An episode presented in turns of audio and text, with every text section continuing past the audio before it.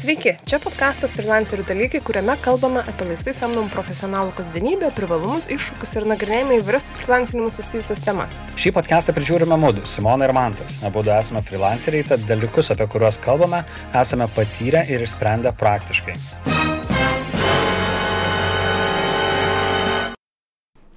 Šiandien mes kalbam apie tai, ką daryti, kai klientas prašo per daug. Turbūt visi freelanceriai yra buvę tose situacijose, ar ne, kai padarai darbą ir tada prasideda dar mėnesis visokiausių korekcijų, tempimų, neapmokėjimo, finalinių variantų, dabar jau tikrai finalinių variantų ir taip toliau. Taip, tikrai, nes iki yra tekę atsidurti situacijose, kai vilkinasi ne tik dėl papildomų prašymų, bet ir nuo pačių klientų kažkodėl nesugebėjimo įgyvendinti savo pačių darbus. Ir tai, kaip bebūtų paradoksalu, dažnai atsiranda darbuose, kurie turi būti atlikti super greitai. O, taip.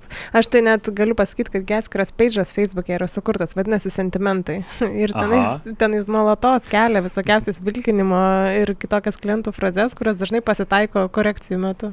Bet ten visiškai, visiškai, visiškai tiesa. Taip, tai yra visiškai tas. Bet e, jeigu grįžtume prie pačios temos, tai ką daryti, jau kai pradedi jausti, kad štai dalykai pradeda kaisti, vilkinti, nežinau, ar čia netgi kaisti, čia gal kaip tik aušta pamažu žodžiu. Tai visų pirma, žinok ir supras, kad jau yra gerokai per vėlų. Sutartį reikėjo pasirašyti prieš patenkant į šitą situaciją. Tai aš suprantu, kad tai yra uh, beprasmis patarimas pasakyti, kad reikėjo kažką padaryti praeitie, bet tai yra visai geras patarimas ateičiai. Turėti Taip. sutartį šabloną, iš, kar, iš anksto apie tai pagalvoti, apie sąlygas, kuriomis tu nori dirbti.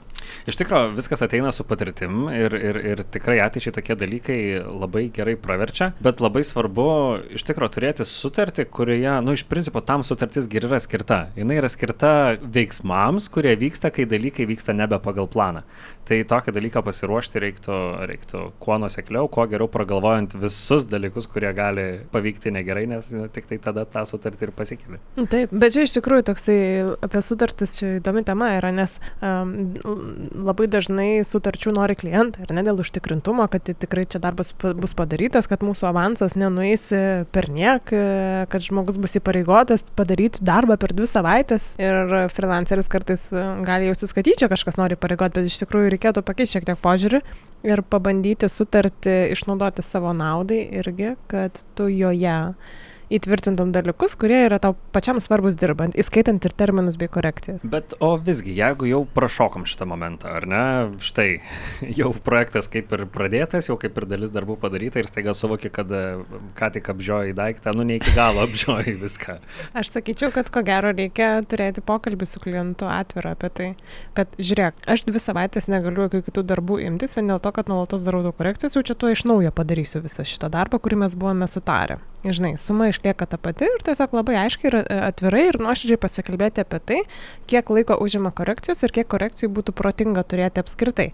Arba kokių korekcijų būtų protinga turėti apskritai, nes kai kurios korekcijos jos pakeičia iš pamatų užsakymą. Nu, reikėtų kažkaip protingai pasikalbėti su klientu, jį pasisodinti ir, tarkim, galima jam pasakyti, žiūrėk, tau liko trys bandymai.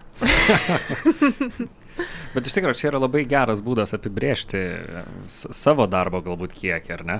Mhm. Kai pasakai, štai bus trys korekcijos ir korekcijos yra tai, tai ir tai, ar ne?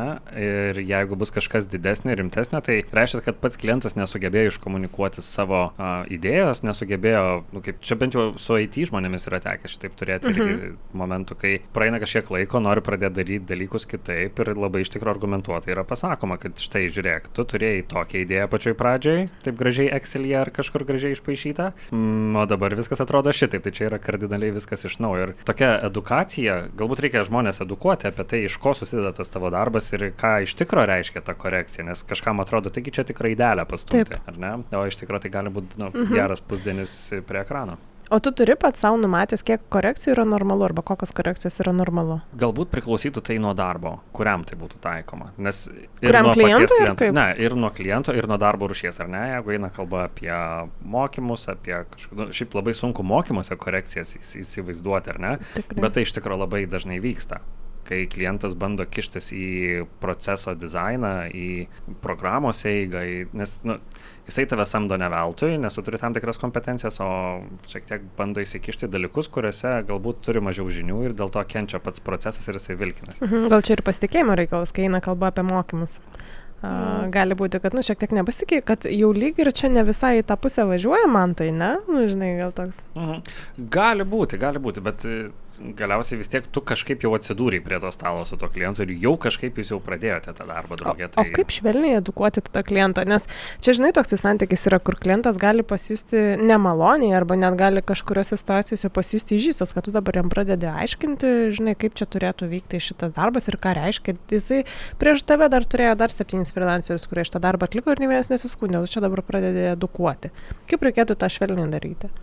Aš savo pusėje tą darau pasiūlydamas dalį darbo perimti pačiam klientui. Nes dažnai šitaip elgesi žmonės, kurie turi mažesnį biudžetą ir kurie įsivaizduoja, kad jų biudžetas yra pats didžiausias, kurį esi kada nors gavęs. Pavyzdžiui, ką reiškia da darbą, dalį darbą perkelti klientui? Pavyzdžiui, ką aš labai mėgstu daryti, tai perduoti audio takelių paiešką, kuriant video. A, jeigu tai yra kalba apie mokymus, tai galbūt kažkuria dalį pravesti norėtų pats klientas.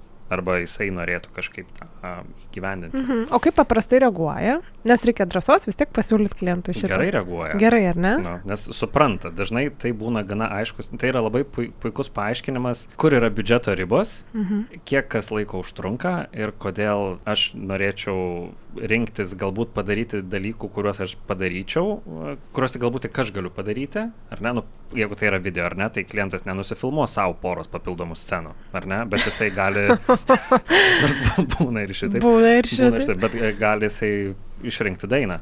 Ar ne, Mhm. štai archyvai, prašom, sukis, sukis ieškokis ir, ir pažiūrėk, kas tau mal, maloniausiai skamba, geriausiai tinka. Arba idėja. kitas dalykas, turbūt, aš važinai, tu pasakoji ir aš galvoju apie tai, kiek tai yra universaliai pritaikoma. Tarkim, tekstuose gal tai galėtų būti pritaikoma šiek tiek sudėtingiau, bet ką dar galima daryti Ir, irgi... pavyzdžiui, plyteles pasiūlyti draugiai iškloti, ar ne? Taip. Vieną sieną tu. Tu maišyk. Tu maišyk. Jo, aš čia pamatuosiu. Ne, iš tikrųjų, gal tiesiog vat, paprašyti kliento, kad jis duotų pavyzdžių, kaip jisai, kaip jisai įsivaizduotų galutinį rezultatą, arba kas jį įkvepia, arba kas jam atrodo tinkama, kas yra galbūt kažkur ki- kitose srityse buvę. Nebūtinai pas jį, gal ten, nežinau, pas konkurentus, Mhm. ar dar kažkokį kitą pavyzdį matys, nes jisai vis tiek iš kažkur atėjo mintis, kad jam reikia teksto, arba atėjo mintis, kad jam reikia būtent tokio baldo, arba atėjo mintis, kad dar kažkaip, bet gal jisai, Mhm. nu, žinai, galėtų tai kažkaip vizualizuoti ir padėti tau pačiam suprasti, kad paskui nereikėtų to prašymo per daug iš freelancerio. Mhm. Ir šiaip kartais padeda tai, ko iš tikrųjų bent jau aš irgi ne visada mėgstu, tai yra tas breakdownint patį biudžetą. Tai Mhm. yra realiai parodyti, iš ko ir kas susideda, Mhm. kiek kas rinkoje kainuoja ir dažnai klien- klientas nu, supranta, kad, o geras, aš net nemaniau, kad čia iš tikrųjų aš labai gerom sąlygom dirbu. Tai va, tai šitą irgi yra sveika padaryti. Irgi gali būti dalis edukacijos ne tik apie darbą, bet ir apie rinką iš principo. Taip. Aišku, jeigu jis yra pripratęs keisti žmonės, su kuriais dirba tiesiog, tai tada, na, taip ir bus. Mhm. O jeigu klientas sako, nedarysi korekcijos, aš nesumokėsiu iš viso. Tai šitoje vietoje yra labai sveika turėti turėt avansą. Nes tai iš tikrųjų pareigoja abi dvi dalis dirbti. Ir mano praktikoje yra netgi ne vieną kartą buvę, kai padarai darbą ir jo nebereikia. Tiesiog pats klientas sako, žinokit, mes čia užsivilkinom su procesais, komunikacijos tinklelis jau pilnas, bet žinokit, jūsų video nebereiks. Mhm. Ačiū, kad dirbote. Nebereiks, bet e, man, ačiū Dievui, yra nu, su- s- nesu buvęs situacijoje, kai sakytų, tai mes jums ir nemokėsim Mhm. mhm. dėl to. Nes Mhm. dažnai klientas supranta, kad tai yra jo paties klaidos. Mhm. O jeigu nėra pasirašyta su klientu sutartis, nėra numatytos korekcijos ir yra tik tai žodiškai sutarta, pavyzdžiui, jūsų darbų kaina, tai gal visai vienas iš vaistų galėtų būti staiga pakelti darbų kainą. E, nežinau, kad bus ne 200, o 300. Mhm. Aš manau, čia galima vėl grįžti prie, prie edukavimo, kas įeina į tą biudžetą. Mhm. Arba tiesiog atvirai pasikalbėti apie lūkesčius ir įsivaizdavimus.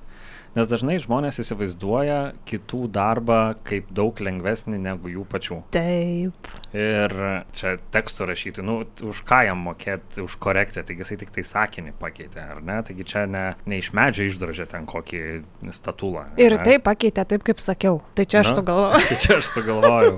jo. Ir man iš tikrųjų buvo labai žavu, aš atsimenu viena mūsų bendra bičiulė. Vien tik už idėją pasiema nemažą sumą, vien tik tai dėl to ir jeigu klientui nepatiks, tai čia yra jo paties problema. Mhm.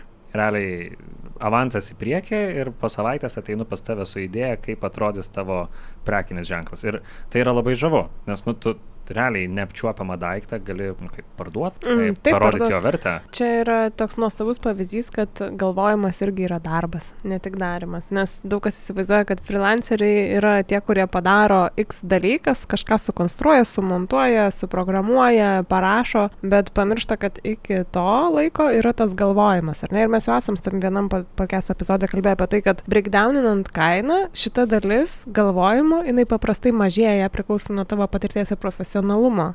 Bet jinai brangsta dėl to irgi. Nu, ta prasme, kad ta kaina, jinai keičiasi. Jinai ka Mhm. laiko kaina tampa aukštesnė ir breakdowninant tą kainą irgi keičiasi šiek tiek.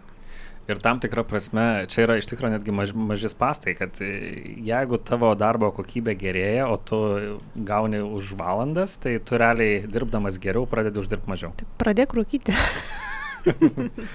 ne, nepradėk rūkyti. Jokauju. Gerai, tai gal galim tuomet rezumuoti.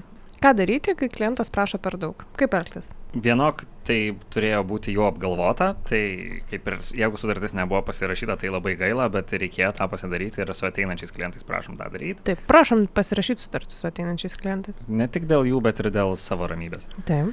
Antras dalykas turėtų būti, tai yra edukuoti patį klientą, tai yra parodyti jam, paaiškinti jam, iš ko susideda tavo darbas ir iš ko susideda biudžeto ribos, kodėl Mhm. jos negali slankioti.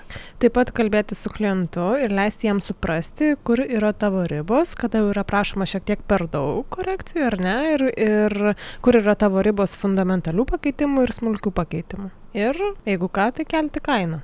Mhm. Visada yra gerai pakelti kainą. Puikiai idėja visada yra Puiki pakelti idėja. kainą. O dar vienas dalykas tai yra ned- nebedeliverint. Tiesiog. Klientui irgi jeigu jisai labai nori per daug, tiesiog sakyti, laiką išnaudojom. Čia aišku yra labai grubus ir apie tave po to vėliau sakyti, kad va, žiūrėkit, pabėgo. Mhm.